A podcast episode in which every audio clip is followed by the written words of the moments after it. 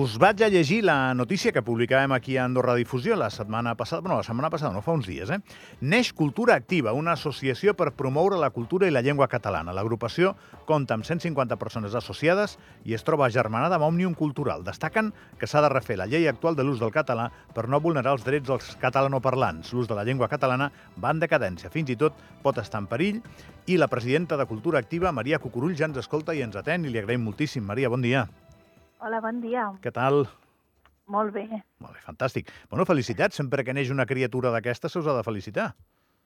Sí, sí, sí, és clar, perquè no és fàcil engegar-ho tot. No, no, no, no, no seguríssim. Uh, I és acció-reacció? És acció-reacció perquè hi ha una situació que requereix de cultura activa o és simplement doncs, que vosaltres ja sou gent que us agrada doncs, el català i la, i la cultura i, i això ho portàveu al cap? Explica'm.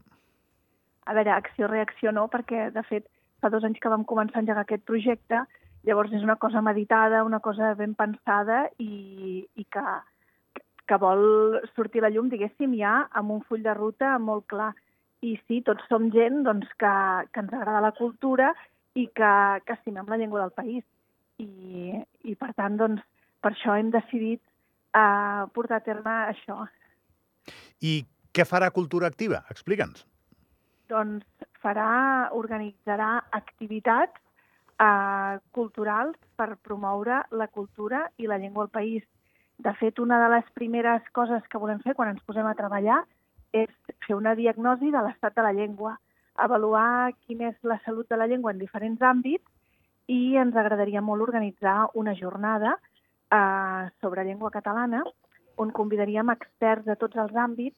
Seria una cosa bastant ambiciosa que volem fer perquè una de les nostres dèries, diguéssim, és eh, que Andorra sigui el lloc referent d'on es debat sobre llengua, d'on es parla sobre llengua, perquè és el lloc on la llengua és oficial i, per tant, pensem que, com que Andorra pot fer coses molt ambicioses, com ara fa 30 anys, no?, que es va parlar català a l'ONU, doncs és molt important que sigui Andorra el lloc referent d'on passen coses. Molt bé, i aquesta diagnosi, i, i ara em permetràs la, la ignorància, Maria, com es fa? Sí, doncs... Uh, Encastant gent i, i o com es fa això? Parlarem amb especialistes que, que ens ajudin a fer aquest full de ruta. Sí, parlant amb especialistes, és a dir, uh, avaluarem quin és, d'on venim, d'acord, cap on volem anar i quin és l'estat actual de salut de la llengua. Molt bé. I per, per poder fer alguna cosa, primer hem de fer aquesta diagnosi per saber exactament què passa amb dades reals, no amb percepcions individuals o subjectives, no? Tu, tu saps que cada vegada que apareix una notícia sobre, per exemple, una entitat andorrana que s'associa amb una de catalana, si la catalana és independentista, hi ha gent que treu la metralleta i comença a acribillar-vos a comentaris al diari d'Andorra, sobretot, que és on jo els veig més, que és, és on apareixen com bolets i molt ràpidament. Això t'ho esperaves? Hi ha, hi ha gent que treu la metralleta amb qualsevol cosa. amb això, amb això tens raó. Amb això sí. tens raó. Llavors, hi ha gent que viu amb la metralleta a la vora, sí. Exacte, amb això no hi podem fer res. Uh, nosaltres, diguéssim, és veritat que el nostre impuls, el que ens ha fet de germà gran, és una entitat catalana i, i, que, i que sí que és veritat que és, és, és independentista uh, públicament perquè el context de Catalunya doncs, exigeix una manera de fer i una manera d'actuar, però a Andorra nosaltres no tenim res a veure amb tot això. Nosaltres, és a dir, cada cosa s'adapta a cada context i tu pots tenir un amic que combregui una cosa, però tu quan fas les coses a casa teva, en el teu context, en la teva àrea, doncs ho fas d'una altra manera, evidentment. I hi ha coses que aquí no tenen sentit. Llavors, clar, eh, que és això de la metralleta, no? Hi ha persones que sempre la tenen a punt. Llavors, abans de saber què es farà, eh, diguéssim, apuntar i disparar, potser no és just. En tot cas, aquests missatges la veritat és que ni me'ls he llegit ni me'ls llegiré perquè em són ben d'igual. No, no ho facis, no, no t'aportarien res. No t'aportarien res. Però mira, mira, tens raó. Jo quan estava al bàsquet, si guanyàvem no hi havia cap missatge, i si perdíem n'hi havia 25. Per tant, sí, això que has dit de la metralleta tens molta raó.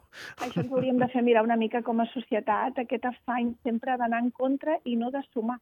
De fet, nosaltres eh, naixem molt amb aquesta idea de sumar, de ser positius, de ser proactius, i, i, i no, de fet, o sigui, al principi deies això que nosaltres dèiem a la nota de premsa, no?, sobre la llei del català, quan, quan es va anunciar aquesta notícia que s'estava refent la llei, que, que ara mateix doncs, la, la proposta de llei doncs, és al Consell General i m'imagino que, que properament es debatrà, perquè si s'ha de publicar a final d'any, suposo que ja s'hi està treballant, doncs van sortir a persones en contra de la llei i nosaltres, ens, si haguéssim ja existit, ens hagués agradat sortir per dir que estem contents que, que s'estigui treballant en favor de la llengua oficial del país, no? Perquè de vegades també s'han de dir coses bones i, i massa poc sovint ho fem. Estic molt d'acord, Maria, no ho millorarem, això, deixem-ho aquí. Gràcies, Maria Cucurulli, que vagi molt bé. Molta sort per Cultura Activa. Moltes gràcies a vosaltres. Adéu, bon dia. Una abraçada.